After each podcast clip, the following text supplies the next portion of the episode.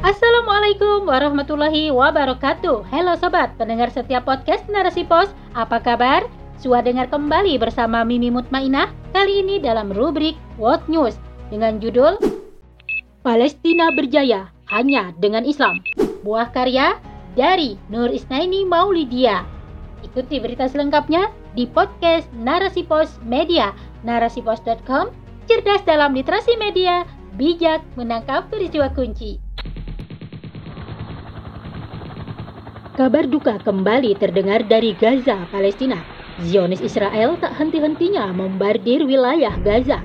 Kementerian Daerah Kantong Palestina melaporkan sejak hari Jumat 5 Agustus 2022, operasi militer Israel telah menewaskan 44 warga Palestina, termasuk 15 anak-anak dan 4 wanita.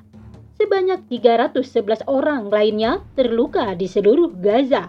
Detik.com 8 Agustus 2022. Serangan Zionis Israel ini menimbulkan banyak kecaman dari berbagai pihak. Salah satunya AXA Working Group mengecam keras langkah Zionis Israel yang kembali membombardir Gaza. Republika.co.id 7 Agustus 2022.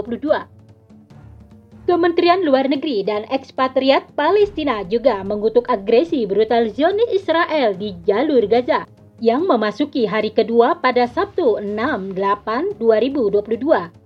Lembaga tersebut menyatakan Israel membuat wilayah Palestina layaknya lapangan latihan dan warga sebagai target tembak. Republika.co.id 78-2022 Penguasa negeri-negeri muslim hanya bersikap prihatin dan mengecam. Namun di sisi lain, mereka terus berhubungan baik dengan Israel Hal ini menyebabkan berbagai kecaman yang terus-menerus diserukan untuk membela negeri muslim tidak membuahkan hasil.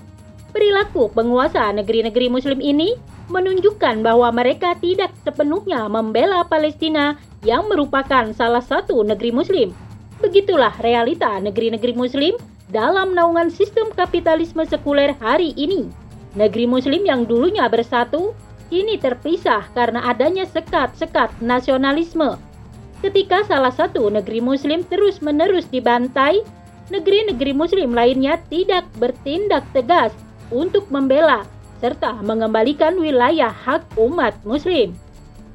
Dalam menyelesaikan persoalan yang menimpa wilayah muslim Palestina ini, harus ada upaya strategis dan sistematis untuk menghentikan kekerasan Zionis Israel yang berkepanjangan. Bukan sekadar kecaman, Hal ini membutuhkan dukungan serta kekuatan yang seimbang dari umat Islam di seluruh dunia, yaitu dengan menggalang kekuatan dunia Islam dalam satu kepemimpinan. Kepemimpinan inilah yang nantinya akan membentuk kekuatan militer untuk menyerang dan menghentikan paksa kekerasan Zionis Israel. Sebagaimana dulu pada masa kepemimpinan Khilafah Utsmaniyah dengan kekuatan militernya yang berwibawa telah melarang Yahudi merampas tanah Palestina dan tinggal di dalamnya. Kekuatan militer dalam kepemimpinan Islam dibentuk dengan tujuan membantu pemerintah dalam menjaga keamanan negara, membela kehormatan agama Islam, melindungi saudara sesama Muslim, serta menghadapi para penentang dan pemberontak. Kekuatan ini juga digunakan untuk mempertahankan kekuasaan Islam, termasuk menjaga pemikiran dan pemahamannya, serta mengemban pemikiran dan pemahaman tersebut ke luar negeri. Salah satu bukti kekuatan militer yang dimiliki Islam terjadi pada masa Khalifah Al-Mutasim Billah. Kisah ini dicatat dalam kitab Al-Kamil fil Al-Tariq karya Ibnu Al-Atir. Pada masa Khalifah Al-Mu'tasim Billah, ada seorang budak muslimah dari Bani Hasim yang sedang berbelanja di pasar kota Amuriah. Ia meminta pertolongan karena diganggu dan dilecehkan oleh orang Romawi. Karena peristiwa tersebut, Khalifah segera mengirim puluhan ribu pasukan untuk menyerbu kota Amuriah. Kota Amuriah kemudian dikepung oleh tentara muslim selama kurang lebih lima bulan Kota tersebut berakhir takluk di tangan Khalifah Al-Muttasim pada tanggal 13 Agustus 833 Masehi. Puluhan ribu prajurit Romawi terbunuh dan puluhan ribu lainnya ditawan. Hal ini juga dimaksudkan oleh Khalifah sebagai pembebasan kota Amuria dari jajahan Romawi. Inilah bukti kekuatan militer yang dimiliki Islam.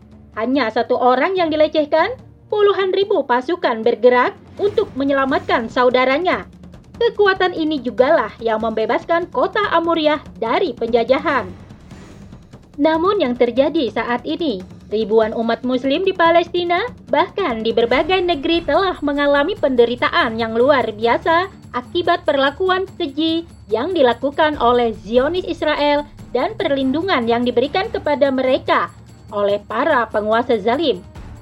Namun tidak ada satupun pemimpin yang bergerak mengirimkan kekuatan militernya untuk menyelamatkan saudara-saudara yang sedang mendapat perlakuan zalim ini. Yang terjadi justru mereka menormalisasi serta berhubungan baik dengan Zionis Israel.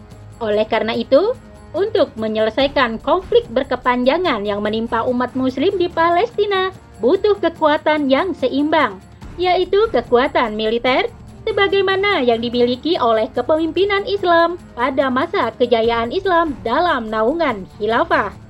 Wallahu alam biswab.